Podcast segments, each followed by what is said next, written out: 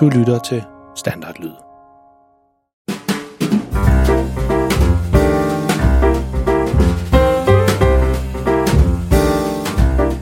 Hej og velkommen til Historier om verdens pinligste far. Som i dag slet ikke er en pinlig historie om Freja og Maltes far, men noget helt andet. Ane, som normalt lægger stemmen til Freja i historien om verdens pinligste far, har skrevet dette juleeventyr om drengen Luca. Det er et eventyr i fire afsnit, og det her det er fjerde afsnit, og altså det sidste afsnit. Så hvis du ikke har hørt de tre første afsnit endnu, så kan du finde dem samme sted, som du fandt det her afsnit. Og husk at blive hængende til efter historien, hvor Ane kommer ind i studiet og fortæller lidt om, hvordan det har været at skrive historien, og hun kommer med lidt gode råd, hvis du også gerne vil i gang med at skrive din historie. Så snup et par lune æbleskiver eller put dig godt ned under dynen, hvis du allerede er på vej i seng, og vær klar til at tage med ud på et rigtigt juleeventyr sammen med drengen Luca, der har mødt en engel.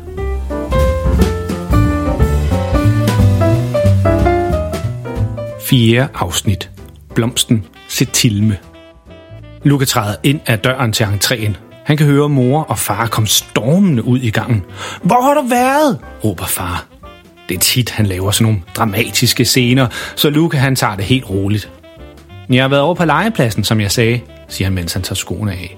Jamen i tre timer, siger mor alvorligt. Vi har været monster bekymrede. Ja, undskyld, jeg blev vel bare lidt optaget af at lege på gyngerne, siger han uskyldigt og går op på sit værelse. Så trækker han kortet op af lommen og kigger på det. I lang tid. I rigtig lang tid. Faktisk så lang tid, at han glemmer helt tidsfornemmelsen.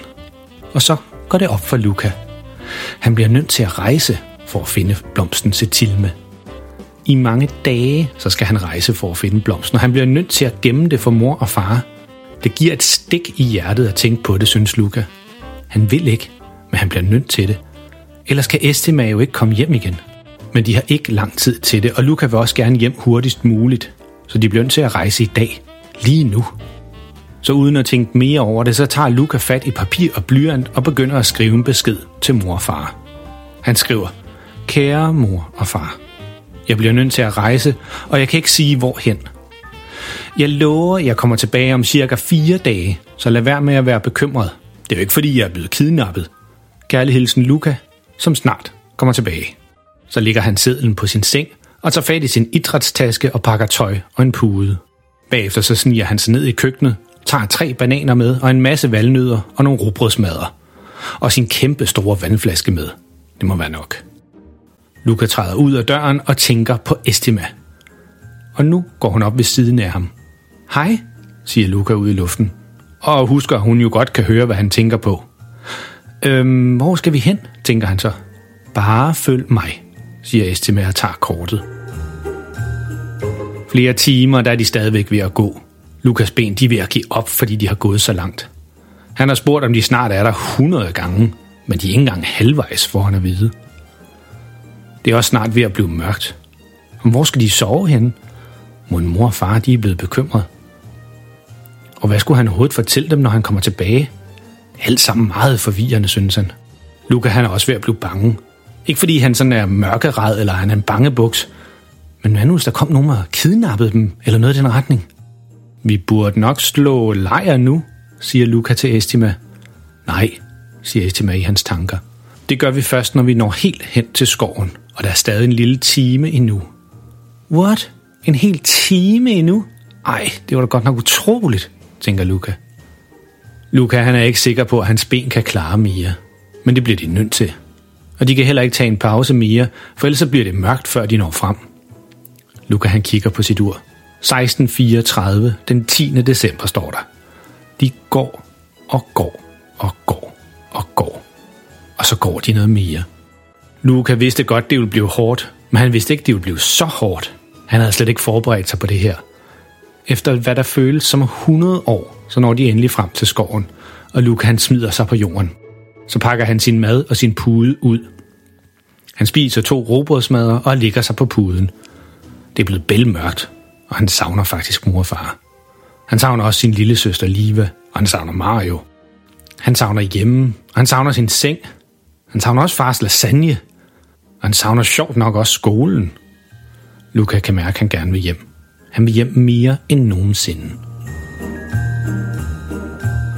De to næste dage, så går de og går de og går. Det er det eneste, de laver. De har gået op ad et bjerg og mange bakker. Og Lukas ben, de er så ømme, men de har altså vendet sig til at gå og gå nu. Lukas madpakke, den har han spist for længst, og han har snart ikke mere vand tilbage. Det virker helt urealistisk det hele, fordi Luca han har aldrig gået så meget som en halv kilometer ad gangen. Men pludselig stopper Estima bræt op. Hun så helt stille i flere minutter. Og så siger hun noget. Vi er her, siger hun i Lukas tanker og smiler. Luca træder op ved siden af hende. Wow, siger han. De er på en helt almindelig mark med blomster og havre, men foran dem står den smukkeste blomst, de begge to nogensinde har set. Estima tager blomsten op i hænderne og kigger mystisk på den. Den er virkelig smuk, tænker både Estima og Luca på samme tid, og så smiler de til hinanden. Blomsten Setilme, den er meget sjælden og unik. Luca havde søgt på den dagen før de tog afsted, og på Google der stod der, at hver blomst er unik og ser helt forskellig ud. Han fandt også nogle billeder, men ingen af dem havde set så smukke ud som denne her blomst. Setilmen havde en lys lilla stilk og nogle lyserøde og gule blade, som lavede et helt unikt mønster. Inde i blomsten, der var den grøn i forskellige nuancer, og den glimtede lige ind i Lukas øjne. Det var som om den strålede, og Estima og Luca kunne ikke lade være med at kigge på den. Efter noget tid, så vender Estima sig om og kigger Luca dybt ind i øjnene. Tak, Luca. Du har hjulpet mig med min rejse. Jeg kunne aldrig have gjort det uden dig. Så tusind tak for din indsats, Luca. Du er virkelig noget særligt. Det skal du vide, tænker Estima ind i hans tanker. Estima smilede, og det fik Luca til at føle sig næsten som om han var hjemme. Og så kom Luca til at tænke på, at de skulle hele vejen tilbage igen. Og det havde han altså virkelig ikke lyst til. Og midt i alle hans tanker, så begynder Estima at flyve op mod skyerne. Og så kigger hun ned på Luca, mens hun svævede og siger, og jeg har vist glemt at sige, at den her blomst, den giver os engle meget stærk energi, så jeg kan flyve os hjem igen lige nu. Luca han viner helt og smiler af al sin kraft. Yes, nu kan de komme hjem. Estima svævede lidt længere ned, så Luca kunne hoppe op på hendes ryg, og så flyver de. Man skulle tro, det var koldt op i skyerne, især i december, men Luca lagde slet ikke mærke til det. Det var så fantastisk sådan at sidde på Estimas ryg og flyve langt op i skyerne. Estima så også ud til at nyde det. Det måtte egentlig have været hårdt for hende, at hun ikke kunne komme hjem igen. Luca ville sådan komme til at savne hende rigtig meget. Men nu var hun jo hans skytsengel, så hun ville altid kigge ind til ham. Og før han vidste af det, så var Luca og Estima hjemme igen. Hun landede, og Luca hoppede af Estimas ryg. Den første person, der lagde mærke til Luca, var hans nabo, gamle Lisa. Hun havde sådan en kæmpe stor urtehave, og vidste ikke noget bedre end at holde sine planter glade. Jamen hej Luca, sagde hun glad. Det er da også lang tid siden, jeg har set dig, er det ikke? Luca nikkede. Det er det. Men så fik hun øje på blomsten, som Luca har i hånden. Nå, så din mor har også set til mig, siger hun. Hvad? Og hvad mente hun med også? Øh, ja, ja, det har hun da, skynder Lukas sig at sige. Nå, jamen de er også de smukkeste. Jeg har selv nogle om i baghaven, de er også ved at blive meget store og smukke nu, fniser gamle Lisa. Hvad? Havde Lisa haft den pokkersblomst i sin baghave hele tiden? Ej, Luca han blev helt bleg i hovedet og skulle til at råbe ud over hele Danmark, hvor retfærdigt det hele var. Nå, jeg skal heller ikke forstyrre dig mere, søde Luca. Ha' en god dag, sagde hun fra dørkarmen og vinkede farvel til Luca. Måske var den blomst slet ikke så sjælden alligevel. Luca og Estima gik i trampende skridt ned til portalen. Da de nåede frem, så lagde Estima blomsten på jorden og begyndte at danse rundt om den. Efter noget tid, så begyndte hun også at nynne. Det så faktisk ret sjovt ud at kigge på Estima, der bare hoppede og nynnede rundt om blomsten. Men så begyndte blomsten at svæve, og efter noget tid, så gjorde Estima det samme. Og hun stoppede ikke med at nynne. Og så pludselig, så åbnede der en portal sig. Det lignede mest af alt egentlig bare et spejl. Estima svævede langsomt ned til jorden sammen med Setilmen, og så træder hun et skridt frem og krammer Luca. Luca krammer tilbage og får helt røde kinder. Farvel, Luca. Jeg elsker dig, siger Estima til Luca, så kun han kan høre det. Estima træder langsomt ind i portalen og forsvinder helt. Sekunder senere kan man se en smuk engelpige flyve langsomt op mod himlen. Jeg elsker også dig, tænker Luca, og en lille tårer løber ned ad hans kind. Luca! er der nogen, der råber bag ved ham. Luca vender sig om. Mor og far løber hen imod ham, og han løber også hen imod dem. Åh, Luca, Luca, Luca, vi har sådan savnet dig, siger mor med tårer i øjnene. Jeg har sandelig også savnet jer. Og så krammer de alle sammen. Jamen, hvor har du været? spørger far. Men lidt på sådan en sød måde, ikke en sur måde.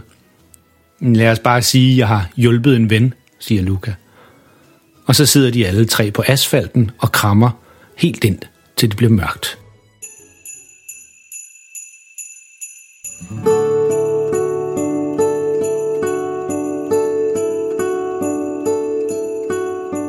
Og så endte det alt sammen godt. Estima hun kom tilbage gennem portalen og vil altid være der for at passe på Luca som hans skytsengel. Mor og far fandt Luca igen, og selvom de blev lidt nervøse over, hvor han havde været i al den tid, så var de bare glade for, at han var kommet hjem igen. Det her, det var fjerde og sidste afsnit om drengen Luca og hans møde med en engel. Og vi har ikke flere historier tilbage i år. Men vi vender tilbage allerede torsdag den 6. januar 2022 med en helt almindelig historie om verdens pinligste far, som denne her gang skal i zoologisk have sammen med ungerne. Historien om Luca, det var en historie, som Ane selv har skrevet. Hverken jeg eller Anes mor har hjulpet hende med det. Og det er lige netop det. Hvis der sidder en historiefortæller gemt i en af jer derude, så er det bare med at komme i gang. Der er helt sikkert en masse, som rigtig gerne vil høre, hvilken historie I har at fortælle. Det vil vi i hvert fald rigtig gerne. Og nu har vi jo fået besøg her i øh, studiet igen af dig, Ane. Ja. Og i mellemtiden så er du faktisk blevet en lille smule forkølet. Ja, så hvis jeg trækker vejret meget sådan kraftigt, så er det derfor. Ja, og hvis din stemme lyder lidt anderledes fra nogle af de andre afsnit, man har hørt, hvor du har været med, så er det også derfor. Det her, det var jo fjerde og sidste afsnit om Luca, Ja. som øh, fik hjulpet englen Estima hjem til himmeriget igen ved hjælp af en blomst, der hedder Setilme. Uh-huh. Som slet ikke var så sjælden alligevel, fordi øh, deres gamle nabo, Ja. Lisa, var det det, hun hed? Hun havde den faktisk i sin baghave også. Mm-hmm. Og de havde rejst flere dage, og han havde gået så langt, at han øh, næsten ikke kunne holde til det. I øh, dengang du var inde i studiet der under første afsnit, der snakkede vi om det der med, hvordan man kommer i gang med at skrive. Og så har vi snakket lidt om det med, at det var en dreng, du havde valgt, der skulle være i, øh, som hovedperson i, i denne her historie. Og så har vi også snakket om det, vi kalder struktur. Altså, hvordan man starter en historie, og hvad der skal ske i midten af en historie, og hvordan man slutter den, mm-hmm. øh, som, som har hjulpet dig meget, når du skal skrive historien. Og normalt, sådan, hvis man får sådan en øh, historie, man skal arbejde med i skolen, så vil dansklæreren jo altid sige sådan noget med, og hvad var så budskabet i denne her historie? Nu lyder jeg ligesom dansk. Det er jeg faktisk ret irriteret over. er du ret irriteret over det her? Fordi så vil, det vil jeg jo nemlig spørge dig om, Ane. Hvad var budskabet med denne her? Hvad var det, du gerne vil fortælle? Altså, jeg ved ikke, om der var sådan en morale i det eller noget, men øh, det var bare, at hende der englen kom ned til ham, og så var det ligesom hans opgave at skulle hjælpe hende. Ja. Og egentlig i starten havde jeg tænkt, at øh, hans bedste ven Mario også skulle vide noget om det, men til sidst så valgte jeg, at det bare skulle være hans ting, og at de altid var venner. Og nu hvor at hun, Estima, var hans skytsengel, så ville hun jo altid kunne kigge på ham, se ned til ham. Ja. Så øh, hvis man skulle lede efter et budskab, og det vil jo en dansk lærer altid sige, man skal.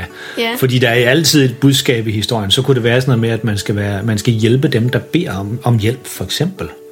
Så nu kom der jo så sådan en skytsengel normalt, som ville være skytsengel, der passede på Luca. Men nu var det jo skytsenglen, der havde brug for hjælp. Mm. Og, så er det, og, og det gjorde han jo så.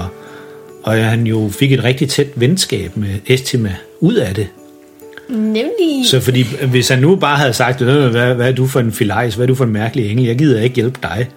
Det kunne man jo også godt have skrevet en historie om, det må måske ikke være så, så god, men så vil budskabet jo være, at, at ham der Luca, han bestemt ikke var nogen sød dreng. Han, øh, han ville ikke hjælpe nogen, som der havde brug for hjælp. Ja. Det kunne så være, at det var det, vi siger, der er budskabet den her, hvis vi skal opfinde et budskab, hvis du ikke lige selv havde tænkt over det. Skal man have et budskab, når man sætter sig ned og, og tænker på sin historie?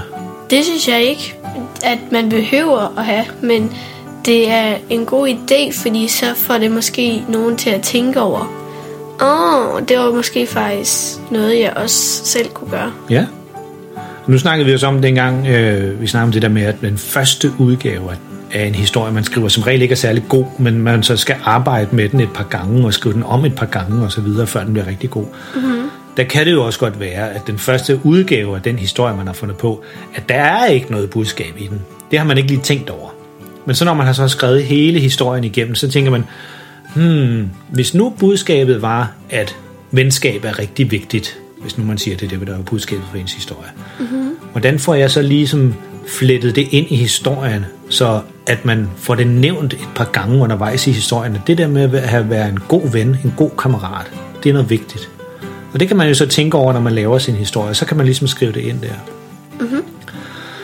Men nu er det jo snart en juleaften, Ane. Når, de, yeah. når vores lyttere de hører det her afsnit, så er det jo, det er, jeg tror kun er et par dage til juleaften, hvis de hører det lige, når det kommer ud.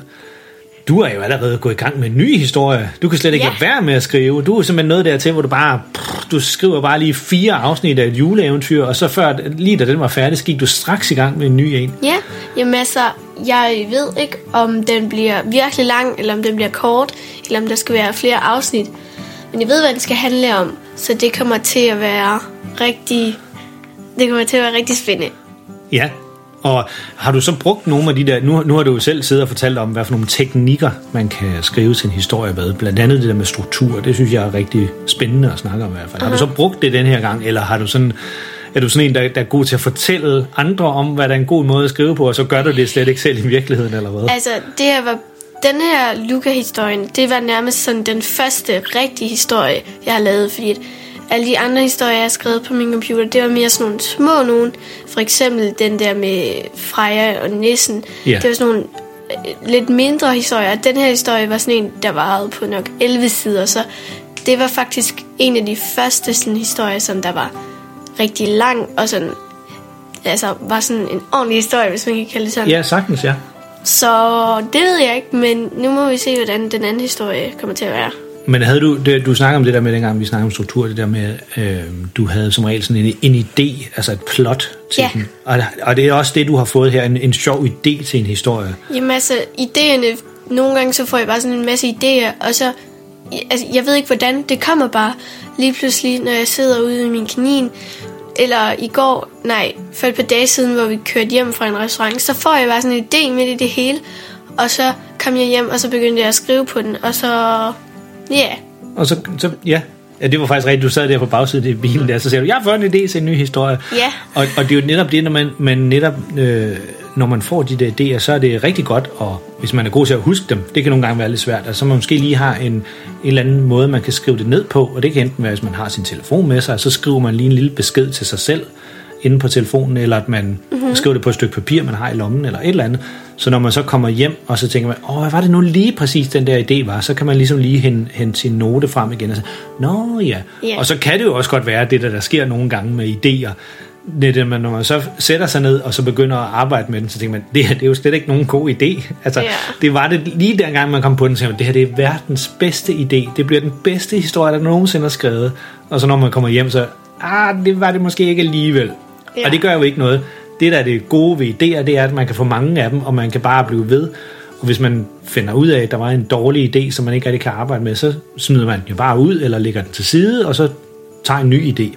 Ja, men altså, hvis man nu har en idé til en historie, man skal skrive, og den kan skrives på mange forskellige måder, så kan man jo vælge det at brainstorme, altså skrive en masse idéer ned, fra forskellige vinkler, hvordan den kunne foregå, og så kunne man ligesom vælge nogle idéer ud. Sådan, sådan har jeg det for eksempel, hvis man skriver nogle brainstormer ned, øh, og så lad os sige, der er fem øh, ting, og så tager jeg den, jeg mindst kan lide, og så trækker den ud, og så den, jeg menneskelig, og du ved sådan, og så ender man op med en historie, og så har man ligesom den bedste ud af alle de idéer.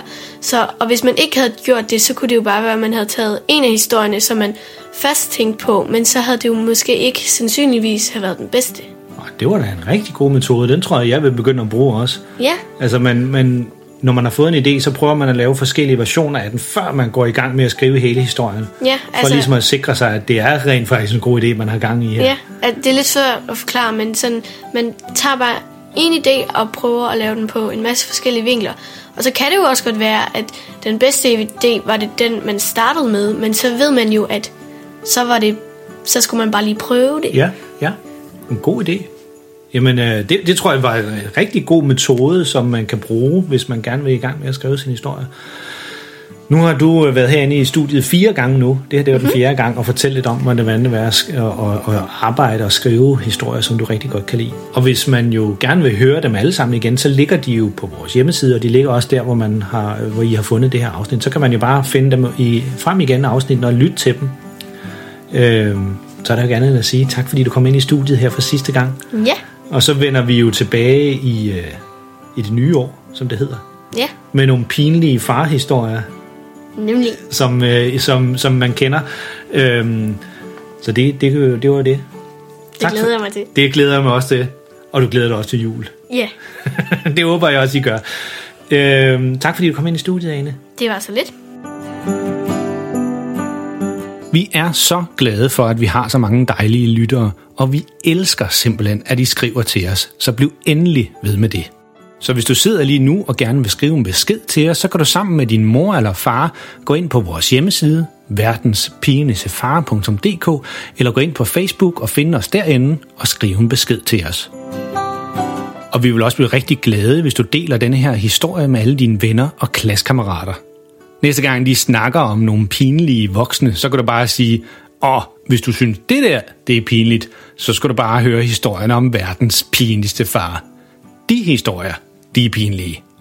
Og du kan finde alle vores historier, både vores julehistorier og vores helt almindelige historier på vores hjemmeside, verdenspinligstefar.dk, eller der, hvor du fandt det her afsnit. Og nu er det lige før det er juleaften. Vi håber sådan, I får en fantastisk jul og et godt og sikkert nytår. Og husk at holde øjne og ører åbne. Man ved aldrig, om der kommer til at ske noget spændende eller uventet. Og hvis du ved, hvad det er, du skal kigge efter, vil du opdage, at hele verden omkring dig er fuld af eventyr og fantasi. Pas på jer selv derude, og lyt med næste gang. thank you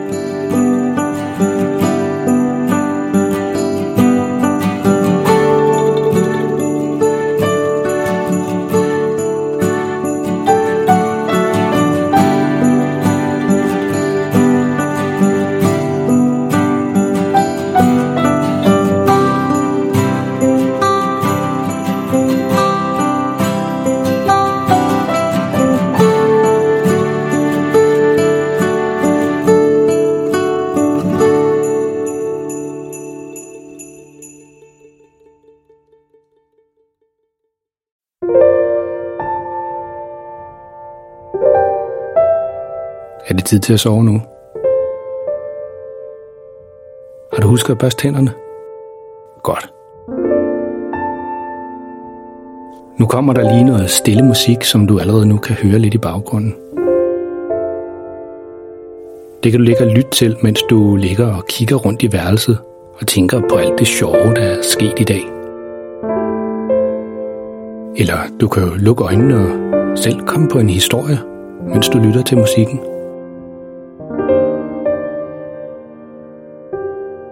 Tak fordi du lyttede med. Godnat og sov godt.